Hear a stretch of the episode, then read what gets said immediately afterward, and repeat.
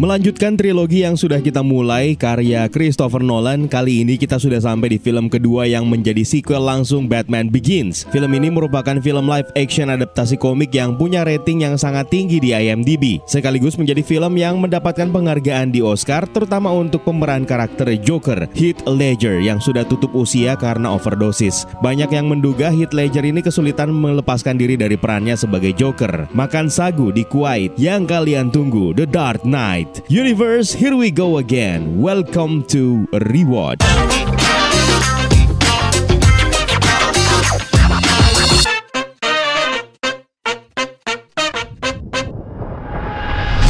Film ini dirilis pada tahun 2008 dan disutradarai kembali oleh Christopher Nolan dan dibintangi oleh Christian Bale sebagai Batman alias Bruce Wayne, Michael Caine sebagai Alfred Pennyworth, Heath Ledger sebagai Joker, Aaron Eckhart sebagai Harvey Dent alias Two-Face, Maggie Gyllenhaal sebagai Rachel Dawes, Gary Oldman sebagai James Garden, dan Morgan Freeman sebagai Lucius Fox. Seperti biasa, siapa tahu ada di antara kalian yang belum pernah menyaksikan film yang satu ini ini kita akan kasih spoiler warning terlebih dahulu agar kalian bisa menikmati cinema experience maksimal ketika akan menyaksikan film ini. Linknya kita sertakan di kolom deskripsi di bawah ya mengambil latar waktu sekitar 9 bulan setelah kejadian dalam film Batman Begins. Film ini dimulai dengan aksi perampokan di Gotham National Bank yang dilakukan oleh sekelompok bersenjata dan bertopeng badut yang dipimpin oleh Joker yang bersembunyi di balik salah satu topeng badut tersebut. Ada Bozo, Grumpy, Chuckles, Happy, Dopey, dan supir bus dengan topeng yang tanpa nama. Setiap dari mereka rupanya diperintahkan untuk saling membunuh satu sama lain jika selesai menyelesaikan satu misi agar keuntungan yang mereka dapat dapatkan bisa lebih besar jika hanya tersisa sedikit saja dari jumlah keanggotaan mereka. Pada akhirnya hanya tersisa Joker yang ternyata bersembunyi di balik topeng Bozo yang meninggalkan manajer bank sendirian setelah berusaha memberikan perlawanan dengan sebuah granat asap di mulutnya, lalu bergabung dengan barisan bus sekolah pada saat polisi tiba di TKP. I'm betting the Joker told you to kill me soon as we loaded the cash.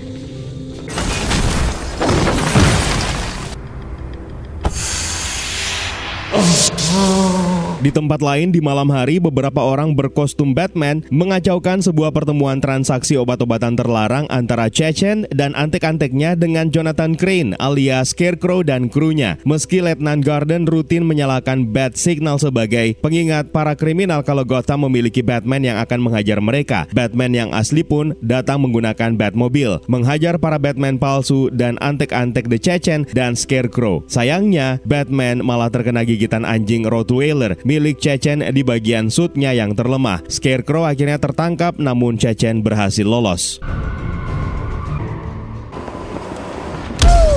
superhero. Menyadari kelemahan tersebut, Bruce Wayne berencana meminta Lucius Fox untuk membuatkannya suit terbaru. Pada saat itu, Bruce malah ketiduran ketika menghadiri rapat dewan untuk memperpanjang kerjasama Wayne Enterprises dengan Mr. Law yang merupakan CEO perusahaan besar Cina yang sukses besar. Namun, sebagai CEO Wayne Enterprises, Lucius Fox malah curiga dengan sumber keuangan mereka yang kemungkinan besar ilegal. Bruce menyarankan Fox untuk meneliti pembukuan mereka. I speak for the rest of the board and Mr. Wayne in expressing our own excitement excitement. Sementara itu, Jim Garden menemui Harvey Dent, jaksa wilayah Gotham saat ini. Dia dijuluki dengan White Knight Gotham City, meski Harvey mengetahui kalau dia punya julukan lain yang akan terungkap nanti. Sebelumnya, dia telah menangkap begitu banyak penjahat dan berniat untuk memenjarakan Salvatore Maroni, yang dia yakini sebagai penerus pimpinan keluarga mafia setelah Carmine Falcone tertangkap. Dia sering menentukan keputusan pada koin keberuntungannya. Di persidangan, dia hampir saja terbunuh oleh saksinya yang malah berbalik memberikan kesaksian palsu untuk membebaskan Salvatore Maroni dari tuduhan. Untung saja pistol buatan Cina yang digunakannya macet dan Harvey pun menghajarnya. Dalam pertemuannya dengan Jim Garden, dia diajak untuk menggeledah lima bank secara bersamaan yang dicurigai sebagai tempat penyimpanan uang para mafia Gotham. Bruce dengan teman wanitanya lalu menemui Harvey Dent di sebuah restoran di mana Harvey sedang berkencan dengan Rachel Dawes. Dasar Sultan, Bruce seketika itu juga menjadi pemilik restoran, lalu menggabungkan meja agar mereka bisa double date. Bruce sendiri sebenarnya cemburu terhadap hubungan asmara Harvey Dent dan Rachel Dawes. So let's put a couple tables together. I'm not sure that they'll let us. Oh, they should.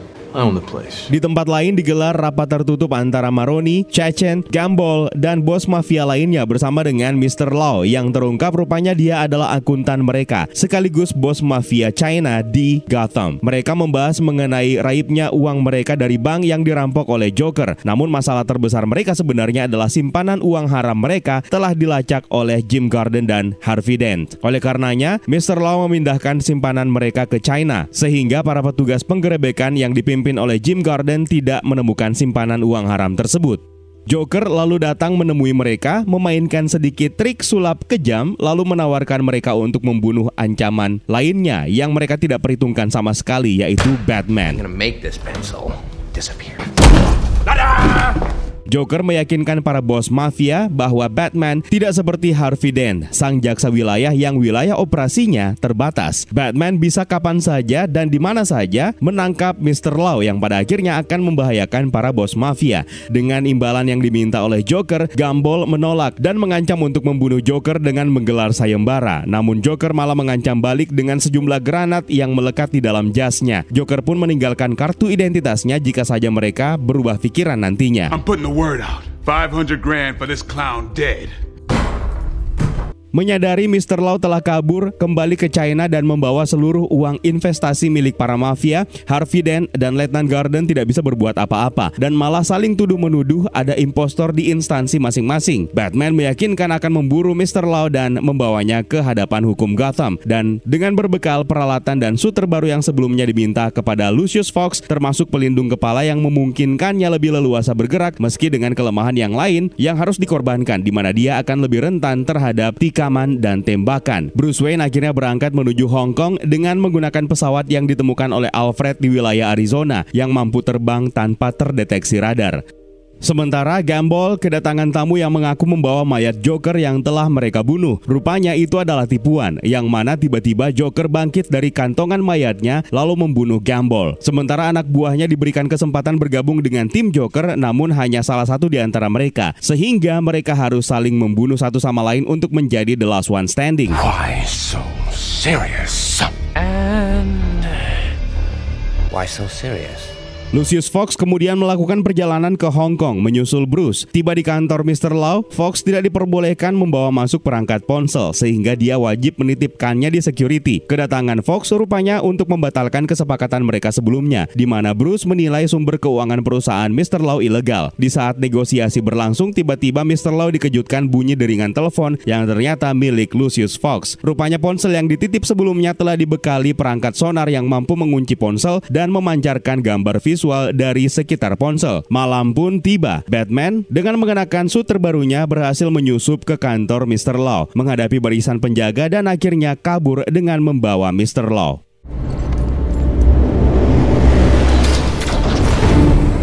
Keesokan harinya, Batman menyerahkan Mr. Lau kepada Gordon untuk diinterogasi. Hingga Harvey Dent, Gordon, dan Rachel pun membuat kesepakatan dengan Lau, di mana Lau membeberkan nama-nama klien mafianya asalkan dia mendapatkan perlindungan di bawah pengawasan daerah. Menyaksikan tayangan berita di TV mengenai Lau, Maroni, dan Chechen pun setuju untuk membayar dan menggunakan jasa Joker untuk menghabisi Batman. Sayangnya, Gordon tiba di lokasi tersebut dan seluruh bos mafia yang ada di sana akhirnya ditahan lalu diadili. Beruntung Beruntung, Maroni dan Chechen selamat dari dakwaan. Wali kota Gotham memuji langkah Harvey Dent di kantornya, namun dikagetkan dengan sesosok mayat berkostum Batman beriaskan wajah mirip Joker yang bergelantungan di luar jendela ruangannya. Di tubuh mayat tersebut terselip kartu Joker yang berisi pesan untuk Batman agar segera menyerahkan diri. Setelah itu, pada saat Bruce Wayne bersiap melaksanakan fundraising atau penggalangan dana untuk Harvey Dent, Bruce dan Alfred menyaksikan tayangan breaking news di TV yang memperlihatkan kegilaan Joker yang menitip pesan untuk untuk Batman agar menyerahkan diri dan mengungkap identitas aslinya dengan ancaman jika Batman tidak melakukannya maka Joker akan membunuh satu persatu orang yang tidak bersalah setiap harinya yang dimulai dari peniru Batman yang bernama Brian Douglas yang mayatnya ditemukan di lokasi kantor wali kota Gotham sebelumnya.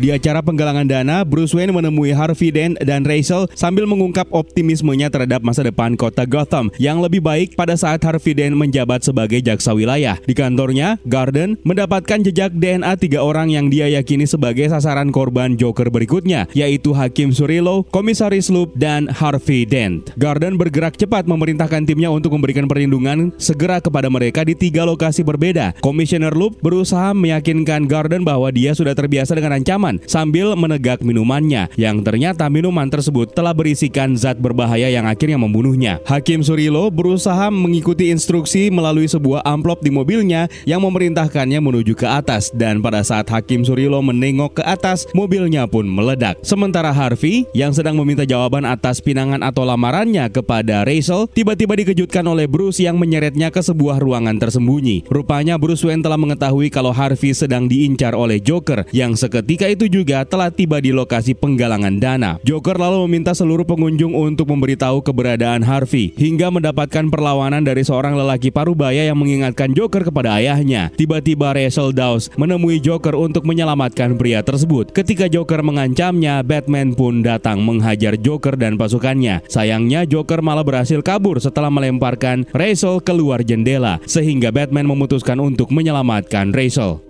Very poor choice of words.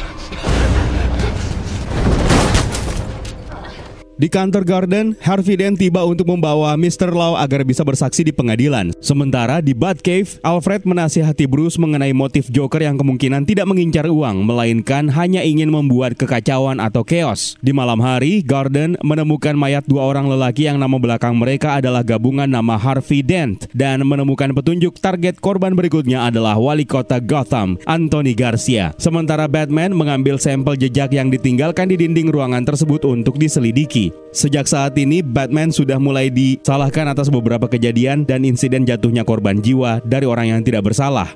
Di Wayne Enterprises, Coleman Reese, salah satu akuntan yang kecewa terhadap batalnya kesepakatan Wayne Enterprises dan Law Security Investment Holding, perusahaan milik Mr. Law. Reese malah menemukan anomali terhadap lenyapnya divisi saintis Wayne Enterprises dan akhirnya mengetahui kalau Bruce Wayne adalah Batman setelah menemukan Batmobile adalah tumbler milik Wayne Enterprises dan proyek ponsel perangkat sonar yang dikerjakan oleh Lucius Fox untuk Bruce Wayne. Reese pun meminta jaminan untuk tutup mulut, namun Lucius Fox memperingatkan memperingatkannya akan kekuatan dan pengaruh Bruce Wayne terhadap Gotham sehingga Reese terdiam. I want 10 million dollars a year for the rest of my life.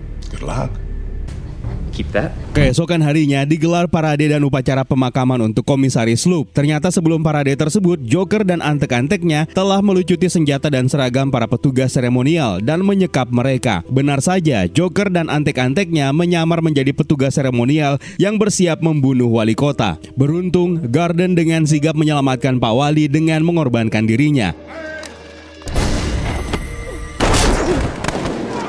Chaos pun pecah di mana Joker menghilang di antara kerumunan menyisakan salah satu anggotanya yang bernama Thomas Schiff yang ternyata mengidap skizofrenia dari Arkham Asylum yang dibawa paksa oleh Harvey Dent untuk diinterogasi. Keluarga Garden marah dan mulai menyalahkan Batman. Are you.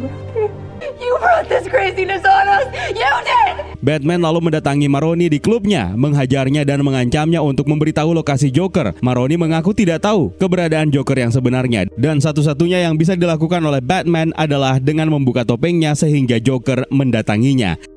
Batman pun tiba untuk menyelamatkan Thomas Schiff sebelum dibunuh oleh Harvey Dent dan meminta Harvey untuk melakukan konferensi pers lalu mengungkap jati diri Batman agar Joker menghentikan aksinya membunuh orang yang tidak berdosa. Harvey sendiri melihat name tag Thomas Schiff yang bertuliskan nama Rachel Dawes dan menduga kalau Rachel akan menjadi target berikutnya untuk dibunuh. Harvey pun meminta Rachel untuk mencari perlindungan di mana Rachel meyakini rumah Bruce Wayne adalah satu-satunya lokasi yang dapat mereka percaya saat ini. Sebagai sebagai tempat perlindungan. Keesokan harinya, Harvey Dent menggelar konferensi pers dan menegaskan kalau Batman harus ditangkap dan ditahan sebagai pertanggungjawaban atas begitu banyak korban berjatuhan. Hal tersebut membuat Bruce Wayne yang juga hadir di lokasi tersebut berniat maju untuk menyerahkan diri dan mengungkap jati dirinya. Namun seketika itu juga, Harvey Dent malah mengakui dirinya sebagai Batman yang sebenarnya. Hal tersebut dilakukan untuk memancing Joker keluar dari persembunyiannya. No more dead cops! Take the Batman into custody. I am the Batman. Rachel yang menyaksikannya melalui tayangan TV kesal karena Bruce membiarkan Harvey mengakui apa yang tidak menjadi tanggung jawabnya. Rachel pun meninggalkan Alfred dengan menitipkan sebuah pesan untuk Bruce Wayne yang boleh dibuka di waktu yang tepat.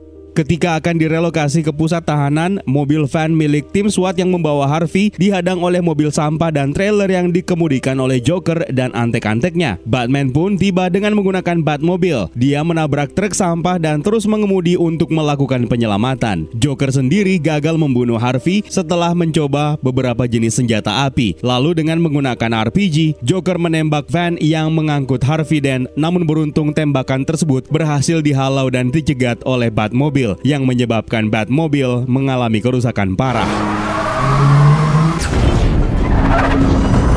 Batman lalu menggunakan transportasi sekundernya, Batpod, yang merupakan bagian dari Batmobile yang hancur, sambil berusaha menghentikan truk Joker dengan kabel dan membuat truk tersebut terbalik. Joker lalu keluar dari truk tersebut, berdiri di tengah jalan, menantang Batman dengan Batpod untuk menabraknya. Namun ketika mendekat, Batman menghindarinya. Ini adalah tindakan penghormatan atas kebijakan larangan membunuhnya. Batman pun tergeletak tidak berdaya dan dihampiri oleh Joker yang bersiap menghajarnya. Namun tiba-tiba, Garden yang ternyata memal memalsukan kematiannya dan sebenarnya dialah yang mengemudikan mobil van yang mengangkut Harvey. Dia menyelinap dan menyergap Joker dari belakang dan akhirnya menangkapnya.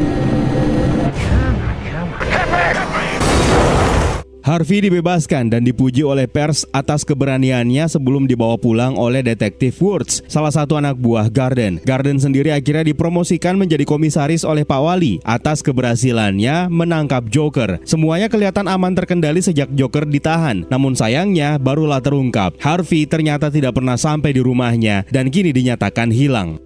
Garden pun mulai menginterogasi Joker mengenai apa yang telah dia lakukan terhadap Harvey. Joker mengisyaratkan bahwa Woods adalah orang yang bertanggung jawab atas hilangnya Harvey Dent, yang ternyata benar. Woods ini telah bekerja untuk Salmaroni. Garden yang putus asa meninggalkan Joker untuk selanjutnya diinterogasi secara brutal oleh Batman. Good cop, bad cop routine.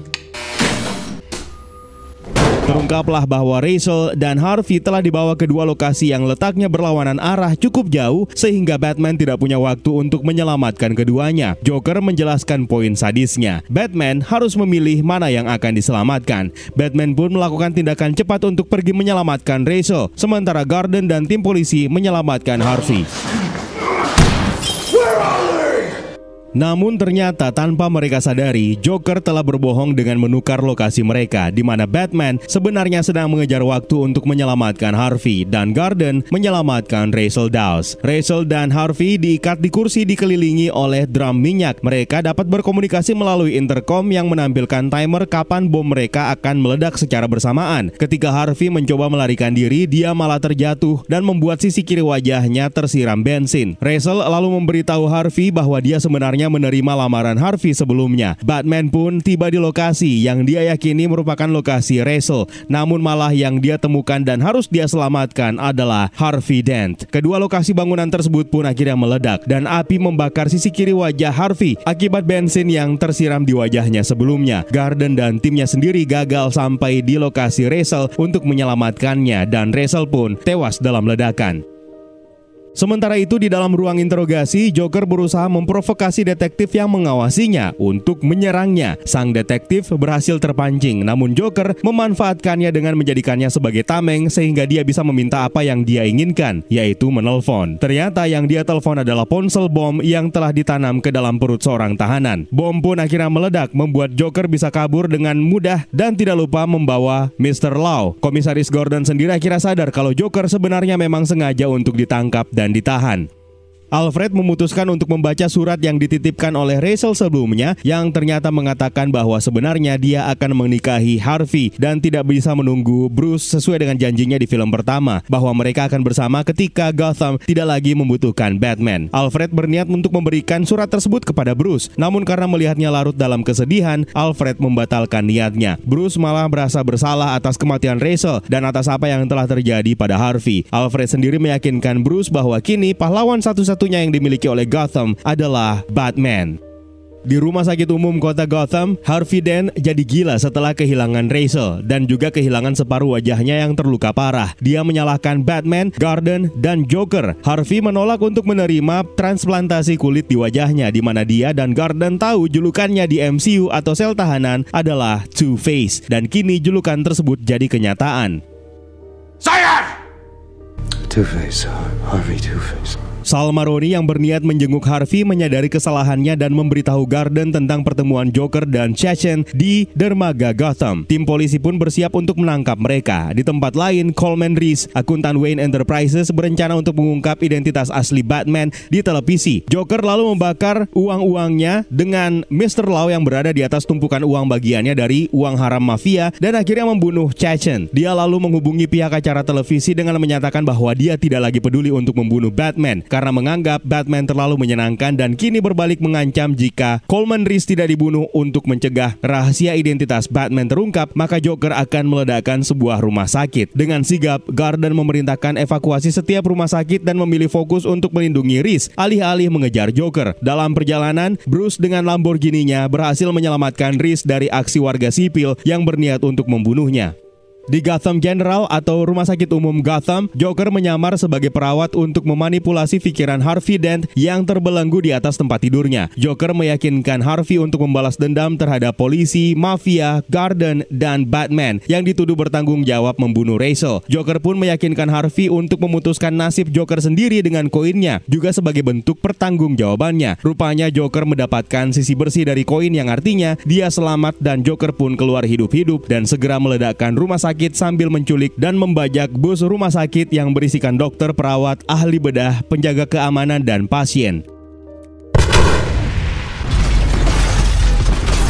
Sementara itu, Two-Face kini beraksi menghadapi para polisi penjahat dan mafia satu persatu, menggunakan koin untuk menentukan nasib mereka. Dimulai dari detektif Words, lalu Sal Maroni yang selamat namun tidak dengan sopirnya. Maroni juga menuduh detektif Marines yang bertanggung jawab atas penculikan Rachel. Joker melalui tayangan TV menyatakan bahwa dia akan mengambil alih Gotham, membuat banyak warga berbondong-bondong mengungsi menggunakan kapal feri setelah seluruh akses jalan dan jembatan telah diprogram untuk diledakkan. Jika ada yang berani melintas. Hal tersebut menyebabkan dua feri menjadi penuh, di mana salah satu di antaranya membawa tahanan dan yang lainnya membawa warga sipil. Di Wayne Enterprises, Lucius Fox menemukan Batman kini telah memperbesar teknologi sonar yang diterapkan ke seluruh ponsel di Gotham yang memungkinkan mereka mendengarkan dan melacak pergerakan siapa pun, termasuk Joker. Lucius Fox akhirnya setuju untuk membantu Batman dengan memantau sonar. Namun, dia akan mengundurkan diri jika mesin tersebut tidak dihancurkan karena pada dasarnya bertentangan dengan apa yang diyakini oleh Bruce sendiri.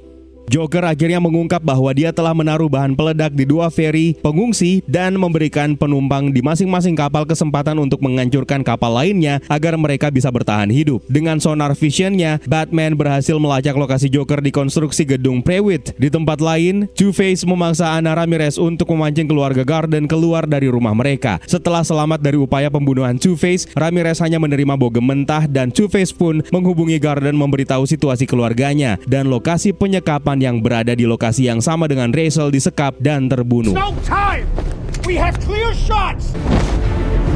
Di tempat persembunyian Joker, tim SWAT menyerbu masuk untuk menjatuhkan antek-antek Joker dan menyelamatkan para Sandra. Batman yang lebih dulu menyergap menemukan fakta bahwa Joker ternyata menjadikan para Sandra sebagai target SWAT yang mengira mereka adalah antek-antek Joker dengan topeng badut yang menutupi wajah mereka dengan senjata yang ditempelkan ke tangan mereka yang terikat. Ini menyebabkan kebingungan yang mana Batman berhasil mengatasi keadaan dengan menghadapi antek-antek Joker yang sebenarnya dan juga tim SWAT yang tidak tahu target mereka. Setelah tim menyadari mereka pun menangkap para penjahat yang sebenarnya dan menyelamatkan para sandera.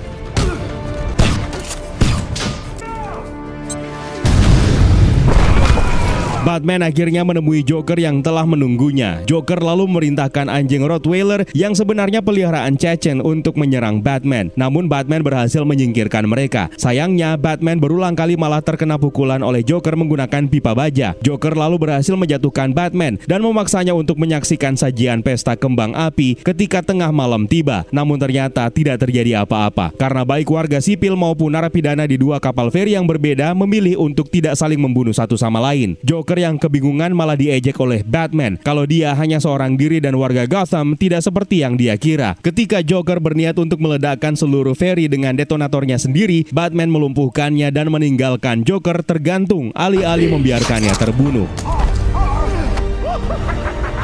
Batman lalu bergegas meninggalkan Joker mencari Harvey Dent setelah Joker mengungkap kalau Harvey kini sudah tidak lagi menjadi White Knight Gotham dan kini menjadi gila. Sementara tim SWAT akhirnya tiba untuk menahan Joker. Di lokasi Rachel meninggal, Two-Face yang menyekap keluarga Garden marah dan diperparah setelah mengetahui polisi mengepungnya. Harvey Dent alias Two-Face memutuskan untuk membunuh putra Garden dan berdiri di tepi gedung. Batman lalu menghampiri Two-Face bersama dengan keluarga Garden, mencoba berunding dan memberitahunya untuk menghukum orang orang-orang yang bertanggung jawab atas kematian Rachel dengan menggunakan koinnya untuk menentukan nasib hidup atau mati. Dimulai dari Batman yang akhirnya tertembak, lalu dirinya sendiri yang selamat dan Putra Garden di mana Batman yang berhasil mencegahnya dan mendorong mereka ke tepi gedung, lalu menyelamatkan Putra Garden. Terbukti lemparan koin menunjukkan kalau Putra Garden diputuskan selamat. Two-Face sendiri terjatuh sementara Batman yang juga ikutan terjatuh selamat meski mengalami cedera. Batman dan Garden memutuskan membersihkan nama Harvey Dent, mencegah Joker menang dengan segala rencananya. Batman meyakinkan Garden untuk memberitahu Gotham bahwa dialah yang bertanggung jawab atas semua pembunuhan yang dilakukan oleh Harvey agar warga Gotham tidak kehilangan harapan terhadap aparat. Meskipun Garden enggan melakukannya, namun Garden dengan terpaksa menghancurkan bat signal di depan polisi dan pers dan perburuan terhadap Batman akhirnya dimulai. Alfred sendiri membakar pesan yang ditinggalkan oleh Rachel karena tahu kalau Bruce Wayne akan patah hati jika mengetahuinya. Sementara Lucius Fox menghancurkan menghancurkan Sonar Vision menggunakan kode penghancuran diri seperti yang diperintahkan oleh Batman dan Gotham pun menggelar pemakaman untuk White Knight. Garden sendiri berusaha meyakinkan putranya bahwa Batman bukan pahlawan yang dibutuhkan oleh Gotham saat ini. Dia berlari agar bisa dikejar. Dia menanggung semuanya karena dia bisa. Dia adalah Silent Guardians, protektor yang penuh kewaspadaan dan dia adalah The Dark Knight. Anjir, kalimat pamungkas yang bikin merinding meski ditonton berulang kali.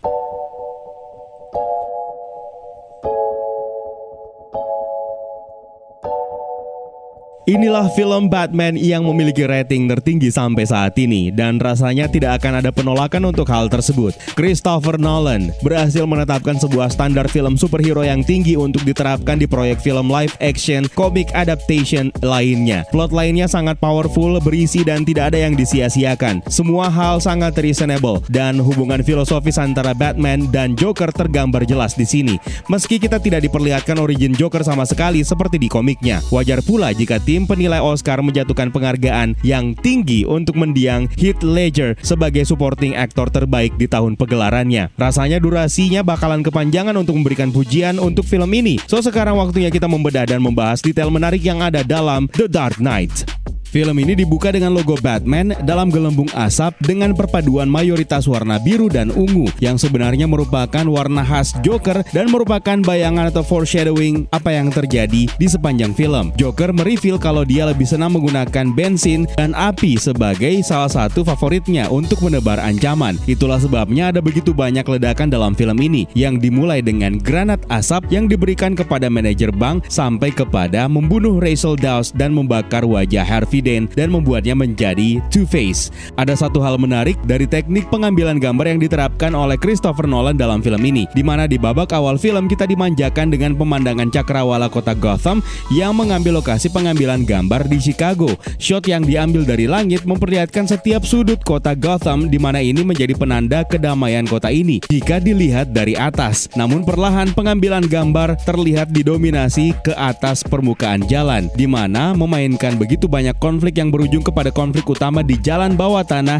yang menampilkan pemandangan kelam sesungguhnya kota Gotham. Ditambah lagi, di lokasi bawah tanah inilah terjadi adegan puncak pertarungan antara Batman dan Joker. Sebuah filosofi angle kamera yang menarik dan terjawab ketika Joker dari atas gedung memainkan peran dan dominasinya di ending film ketika memanipulasi warga pengungsi di dua kapal feri untuk saling meledakkan satu sama lain. Namun kedamaian terjadi karena kedua kapal feri tersebut akhirnya tidak meledak di mana mana para penumpangnya memilih untuk tidak meledakkan satu sama lain. Pengambilan gambar dengan menggunakan kamera yang diambil dari atas menunjukkan kedamaian kota Gotham yang berakhir dengan Joker akhirnya tertangkap di lantai atas gedung. Menariknya ini adalah sebuah master plan untuk menciptakan teror dan chaos yang digunakan oleh Joker. Berbeda dengan film pertama yaitu Batman Begins yang mengambil tema utama fear atau ketakutan. Film kedua ini memang mengambil tema utama chaos yang mana Joker sendiri memang sering dijuluki sebagai Agent of Chaos selain sebagai Prince Clown of Crime. Introduce a little anarchy. I'm an agent of chaos. Dalam adegan perampokan bank, Joker dan gengnya mengenakan topeng yang sebenarnya merupakan penghormatan untuk TV series Batman di era tahun 1960-an, di mana kala itu Cesar Romero berperan sebagai Joker dan membajak sebuah pertunjukan menggunakan topeng yang terlihat mirip dengan topeng yang digunakan oleh Joker dalam film ini. Menariknya adegan pembuka film memainkan tema yang sama dengan film pendahulunya Batman Begins, di mana sang villain utama menyembunyikan identitasnya. Ras Al Ghul dalam film Batman Begins kita diketahui bersembunyi di balik identitas Henry Ducard, sementara Joker bersembunyi di balik topeng badutnya dan di film ketiga nanti, Bane yang diperankan oleh Tom Hardy juga menyembunyikan wajahnya dalam adegan pesawat. Dalam film ini kita juga bisa mendengarkan beberapa kalimat yang mengarah kepada referensi sebuah permainan judi yaitu poker. Kalian tentu tahu dong, di babak awal para pelaku perampokan bank menyebut three of a kind. Three of a kind. Let's do this. That's it. Three guys. Two guys on the rope. yang mana itu merupakan salah satu hasil dari permainan poker dan diakhiri dengan kalimat Joker di ending film dengan Ace in a Hole. You need an ace in the hole. Ini sebenarnya merupakan petunjuk bahwa di sepanjang film terjadi perjudian atau pertaruhan liar dari Joker sendiri dan beberapa karakter. Dalam adegan perampokan bank, Joker mempertaruhkan nyawanya sendiri dengan aturan saling membunuh di antara para anggotanya yang berhasil dia menangkan dengan dirinya sendiri yang selamat di akhir perampokan bank tersebut dan mendapatkan uang dari hasil rampokannya. Di pertengahan film, dia mempertaruhkan nyawanya untuk dibunuh oleh Harvey Dent ketika sudah berubah menjadi Two-Face. Sementara Harvey sendiri memang sudah sejak awal menjadikan koin sebagai pertaruhan keputusan hidup dan matinya, yang mana keberuntungan memang selalu menghampirinya. Permainan poker sendiri memang menggunakan kartu remi namun tidak memainkan kartu joker di dalamnya. Gila kayak tahu banget ya. Ada perbedaan utama yang terdapat dari karakter Joker dalam film ini, di mana jika kita melihat dari sumber aslinya, penampilan Joker berubah menjadi seperti badut dan memutih setelah dia terjatuh ke dalam sebuah tong es chemicals. Sama halnya dengan yang selama ini kita lihat di DCEU, serta dalam film Batman garapan Tim Burton, di mana Joker di film tersebut diperankan oleh Jack Nicholson. Namun Joker versi Heath Ledger ini menggunakan makeup atau riasan. Hal tersebut bisa terlihat dari jari-jari Joker di mana terdapat bekas cat yang mengering yang digunakannya untuk merias wajahnya. Sementara riasan senyumannya merupakan bekas luka yang sering kali dia ceritakan berbeda dan membuat kita sulit mempercayai cerita mana yang benar mengenai luka senyuman di bibirnya tersebut. Ini sama misteriusnya seperti dengan asal-usul dan identitas Joker yang sebenarnya. Apakah dia Joe Chill, Jack Napier, atau Arthur Fleck? Tidak ada yang pernah tahu, karena memang karakter ini dibuat semisterius itu. Senyuman di wajah Joker ini sendiri dikenal sebagai Glasgow Smile, yang pernah populer di kalangan geng jalanan di Inggris di era tahun 1920-an dan tahun 1930-an. Bekas luka senyuman seperti ini juga pernah digunakan oleh karakter utama dalam novel karya Victor Hugo yang berjudul The Man Who Loved, yang difilmkan pada tahun 1928, yang mana judul ini juga menginspirasi lahirnya komik Batman The Man Who Loved yang menjadi referensi untuk film ini juga. Ketika Joker membunuh rekannya dan membunuh lawannya di sepanjang film, tidak pernah terlihat Joker melakukan kontak mata atau melihat korbannya tersebut. Dalam komik memang ada sebuah penjelasan yang mengatakan kalau The Joker bahkan tidak melihat mereka ketika membunuh. Jika kita memperhatikan secara detail dan lebih dekat, kita melihat sebuah penampilan gambar poster untuk film Spider-Man ketiga garapan Sam Raimi di Universe Trilogy The Dark Knight ini. Kemungkinan hal ini sama sekali tidak disengaja oleh Christopher Nolan dan mungkin detail ini memang sama sekali tidak diperhatikan apalagi letak poster tersebut terlihat jauh di bagian terdalam sebuah gedung. Granat gas yang digunakan oleh Joker untuk mengerjai manajer bank di awal film ini sebenarnya mengambil referensi dalam komik sejak kemunculan pertamanya di Batman isu nomor 1 di mana Joker menggunakan racun yang disebut sebagai Joker Venom dan biasanya tersebar sebagai gas yang bisa menyebabkan korbannya tertarik tertawa liar dan tidak bisa berhenti. Bat Signal sendiri akhirnya digunakan oleh Garden yang menjadi hadiah dari Bruce Wayne di ending film Batman Begins. Dalam buku komiknya, Bat Signal ini pertama kali muncul dan digunakan dalam edisi Detective Comics yang dirilis pada tahun 1942. Ada sebuah penampilan cameo yang diperankan oleh Cillian Murphy yang kembali memerankan karakter Scarecrow yang dalam film Batman Begins dia adalah seorang dokter psikiatris yang bernama Jonathan Crane. Di film tersebut, Scarecrow menjadi salah satu villain yang harus dihadapi oleh Batman dan dalam film ini terjadi penurunan derajat terhadap karakter tersebut karena dia hanyalah berperan sebagai pengedar narkoba di jalanan. Tapi tenang, karakter ini kembali akan tampil dalam film ketiga The Dark Knight Rises, tapi akan kita jelaskan di konten berikutnya. Detail menarik lainnya adalah ketika kita melihat lebih dekat dari hasil jepretan kamera keamanan yang memperlihatkan wajah Joker terlihat tanggal 18 Juli tahun 2008. Itu artinya Joker sebenarnya merampok bank pada hari film The Dark Knight dirilis ke bioskop di dunia nyata.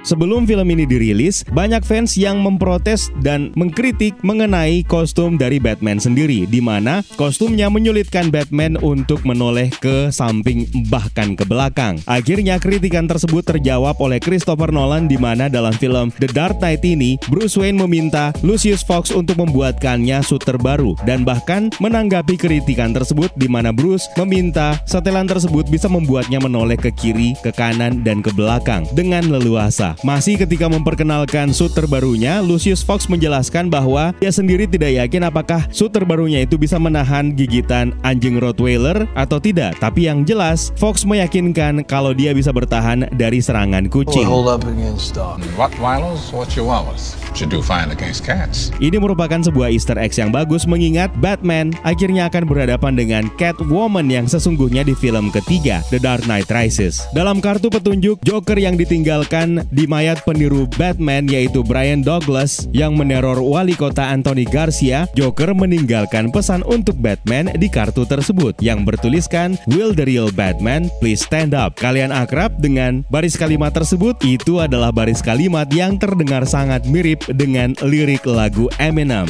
Will the real Slim Shady please stand up?